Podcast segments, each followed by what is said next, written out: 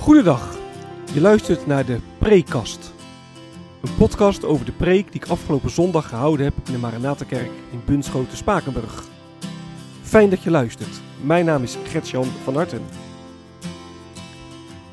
Wat kun je verwachten van deze podcast? De Preekkast bestaat uit vier onderdelen.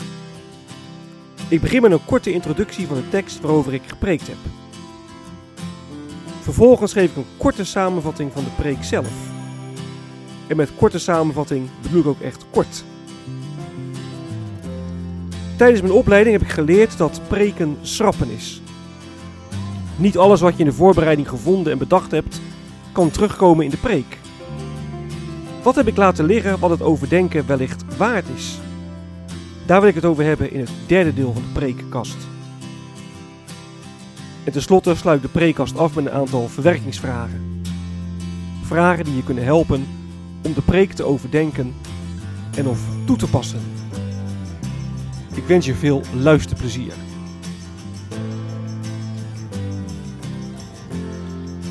De tekst.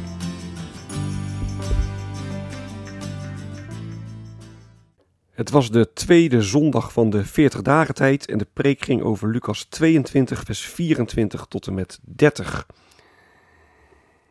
En in Lucas 22 viert Jezus met zijn leerlingen het, uh, het Pesachmaal. En Jezus die heeft aangegeven dat een van de leerlingen hem verraden zal. En dan zegt vers 24, toen ontstond er onder de leerlingen oneenigheid over de vraag wie van hen de belangrijkste was. En Jezus zegt dan, nou in de wereld dan hebben koningen macht en heerschappij. Dat moet bij jullie anders zijn. De belangrijkste moet de minste worden en de leider moet de dienaar worden. Ik ben in jullie midden als iemand die dient, voor Jezus er naartoe. En zegt Jezus, jullie zijn altijd bij mij gebleven in alle beproevingen. Ik heb het koningschap voor jullie bestemd. En jullie zullen in mijn koninkrijk eten en drinken. En, zo eindigt het vers 30 dan, zetelen op een troon om recht te spreken over de twaalf stammen van Israël. Dienend leven, dat is het thema van de preek. Jezus heeft samen met zijn leerlingen het Pascha gevierd. Hij had er erg naar uitgekeken om één keer samen met zijn leerlingen te eten. En Jezus wist dat hij daarna gevangen genomen zou worden en dat hij gedood zou worden. En hij zegt dan tegen de leerlingen: één van jullie zal mij verraden. En wat is dan de reactie van de leerlingen? Ze gaan discussiëren over de vraag wie de belangrijkste is. Dat is zo pijnlijk voor Jezus. Dat de leerlingen vooral met zichzelf bezig zijn en met hun eigen positie. En we lezen eerder in het evangelie van Lucas ook al dat ja, de discipelen vragen onderling of discussiëren onderling wie nou de belangrijkste is in het koninkrijk van God. Terwijl Jezus tijdens heel zijn leven op aarde duidelijk had gemaakt: je moet klein zijn, je moet nederig zijn. Het draait niet om jou. Je moet ja, dienend leven. Maar dat kwartje was kennelijk niet gevallen bij de leerlingen. Maar voordat we ja, afgeven op de leerlingen en zeggen wat zijn ze toch hardleers, is het goed om ook zelf in de spiegel te kijken. Het dienend leven, dat vinden we vaak prachtig, zolang een ander doet. Maar zelf dienend leven, jezelf dienend opstellen richting anderen, ja, daar zijn we niet altijd van gediend. Jezus zegt: De belangrijkste van jullie moet de minste worden en de leider de dienaar. En nu kun je zeggen: Ja, dat gaat hier over leiders. Het gaat hier over de kerkenraad, het gaat over predikanten. En ik, ja, ik ben geen dominee, ik zit niet, zit niet in de kerkenraad, dus ik heb hier geen boodschap aan. Ik verwacht dat we allemaal wel aanvoelen dat je daarmee niet wegkomt. Hè? Dit is niet alleen een boodschap voor de leiders van de kerk, maar Jezus die heeft het hier over de stijl van Gods koninkrijk. En Jezus die laat zien dat de stijl in Gods koninkrijk heel anders is dan, dan in de wereld. Kijk, in die tijd lagen de gezagsstructuur, waren de gezagsstructuren heel duidelijk. In vers 25 zegt Jezus, koningen die heersen over hun onderdanen, ze hebben het voor het zeggen. Alles gebeurt vanuit een heldere machtspositie. Ieders plekje, ieders positie ja, lag vast, was duidelijk. En dan zegt Jezus, ja, bij jullie moet dat niet zo zijn, bij jullie moet het anders zijn. De leider moet een dienaar zijn. In Gods koninkrijk gaat het niet om macht. Leiderschap betekent niet de baas spelen over andere mensen, maar dienen. En dat is de weg waarop het koninkrijk van God zichtbaar wordt. En er wordt van alle burgers van Gods koninkrijk gevraagd dat we dienend leven. Dat we echt vanuit liefde leven. En dat vraagt een stuk zelfverloochening, want dat, dat zit van nature niet in ons. En daarom is het ook heel goed om ook eerlijk na te denken, ieder voor zich. Hoe kan ik nou in de gemeente van, van Christus, hoe kan ik me daar nou nu het beste dienend opstellen? Wat kan ik voor de gemeente betekenen? Het dienen, dienend leven. We zijn niet van gediend, maar we dienen het wel te doen. Nou, Jezus heeft met zijn leerlingen het paascha gevierd. En je zou zeggen, Jezus, dat is de hoofdgast aan de maaltijd. Hij zou bediend moeten worden. Maar het was anders gegaan. Jezus zegt, ik ben in jullie midden als iemand die dient. Hij had de wijn gedeeld, hij had het brood gebroken. En kort daarvoor had hij ook de voeten van zijn leerlingen gewassen. En de koning die, ja, die opereert als een, als een dienaar. De zoon van God heeft ontzettend veel macht, maar die gebruikt hij niet voor zichzelf. Hij zette die in voor andere mensen. Jezus die, die koos niet voor een comfortabel leven. Hij ging niet met de elite eten en drinken. Nee, hij koos voor, voor mensen die, die door de samenleving uitgekotst werden, de tollenaars. Daar ging hij eten. Jezus genas mensen, hij, hij dreef demonen uit, hij zorgde voor voedsel. Al zijn macht gebruikte hij om mensen te redden, om mensen bij God te brengen en niet voor zichzelf. Ja, Jezus leefde niet alleen dienend, hij stierf ook dienend. Ja, zijn dood was geen ongeluk, maar het was dienstbaar in onze redding. Nou, Paulus die schrijft in de, de brief aan de Filippenzen daar heel indrukwekkend over. Dan zegt hij, laat bij jullie die, die gezindheid heersen, ja, die ook bij, bij Christus Jezus was. Hij was aan God gelijk, maar hij deed afstand van zijn positie en nam de gestalte aan van, ja, van een dienaar. Het is vandaag de tweede zondag van de 40 dagen tijd. En dan denken we aan het lijden dat Jezus allemaal moest doorstaan. Maar we staan niet alleen maar stil bij het lijden. Dat lijden was geen doel op zich. Dat lijden, de dood aan het kruis, dat was nodig voor de komst van Gods koninkrijk. Nou, Jezus had heel veel onderwijs gegeven over dat koninkrijk. Als een wonder die verwezen ook naar het koninkrijk.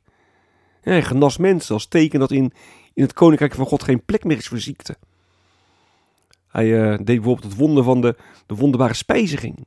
Om te laten zien, mijn koninkrijk is een koninkrijk van, van overvloed. Nou, daarvoor was Jezus de weg van de vernedering gegaan. Dat was een onderdeel van Gods plan. Het koninkrijk van God komt niet met geweld, niet met machtsvertoon, maar het komt in de weg van het lijden. Door een dienend leven. Dat is een hele belangrijke les. Hè? God wil geen onderdanen die sidderen voor hem. Die met een rug in de muur staan bij wijze van spreken en ja, wel moeten geloven. Jezus dwingt geen geloof af. God wil niet onze angst, maar God wil onze hart, ons hart hebben. Hij wil ons vol liefde aan hem overgeven, dat we hem vertrouwen, dat we Jezus volgen in het dienen. En denk ja, kunnen we dat wel waarmaken? Nou, dan is het teksthoofdstuk een enorme bemoediging. In vers 30 geeft Jezus een prachtige belofte. Hij zegt tegen zijn leerlingen, jullie zullen in mijn koninkrijk eten en drinken aan mijn tafel. En jullie mogen in mijn koninkrijk zijn. Daar zal ik een maaltijd met jullie houden. En die leerlingen, dat waren geen volmaakte mensen. Een paar uur later, toen Jezus vlak voor zijn arrestatie in de hof van Gethsemane bad, toen vielen zijn leerlingen in slaap. En toen Jezus gevangen genomen werd, toen vluchtten de mensen, toen vluchtten de leerlingen weg. En Petrus die, die, die Jezus zelfs. En dat laat zien, het koninkrijk van God is niet voor volmaakte mensen, maar voor mensen zoals wij.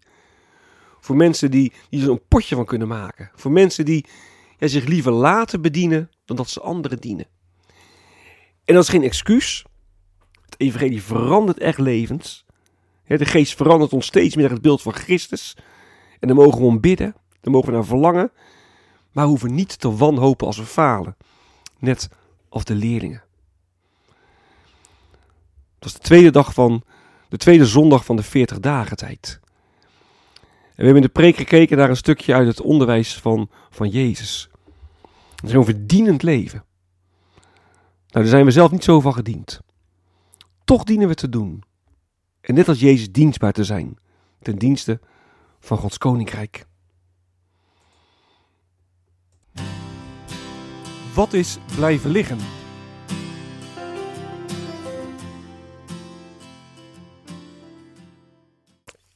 In de tekst laat Jezus zien dat er in het koninkrijk van God andere regels gelden, andere normen gelden dan in de wereld.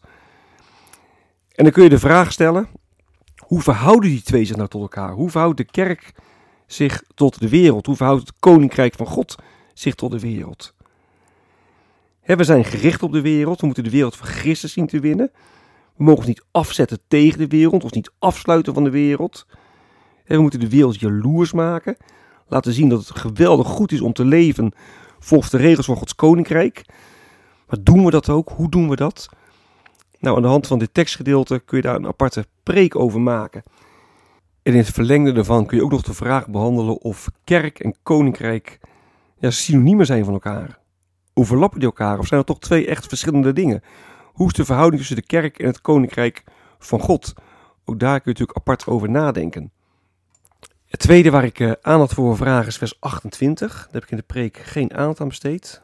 Maar daar zegt Jezus: Jullie zijn in al mijn beproevingen steeds bij mij gebleven. Nou, dat is natuurlijk een prachtige, prachtig compliment dat ze krijgen.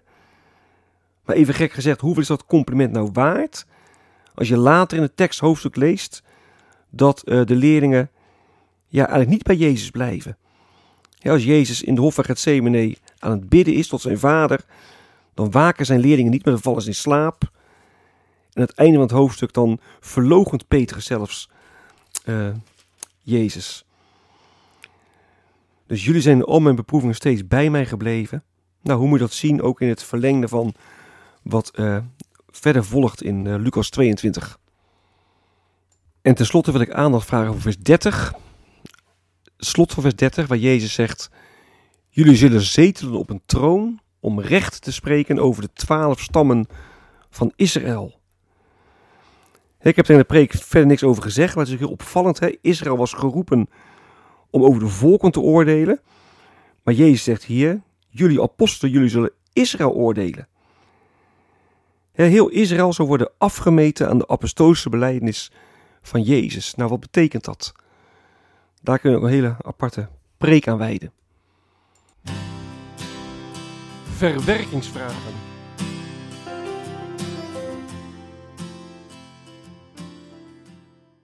De belangrijkste van jullie moet de minste worden en de leider de dienaar, staat er in het tekstgedeelte. Ik heb in de preek uitgelegd dat Jezus hier niet alleen het oog heeft op de leiders van de gemeente, niet alleen over de apostelen of over de kerkenraad spreekt, maar dat dit voor iedere gelovige geldt. Dit gaat hier over de stel van Gods koninkrijk. In het koninkrijk van God zijn we geroepen om te dienen. We moeten dienend leven. En de vraag is, wat doet dat met je als je Jezus dat hoort zeggen?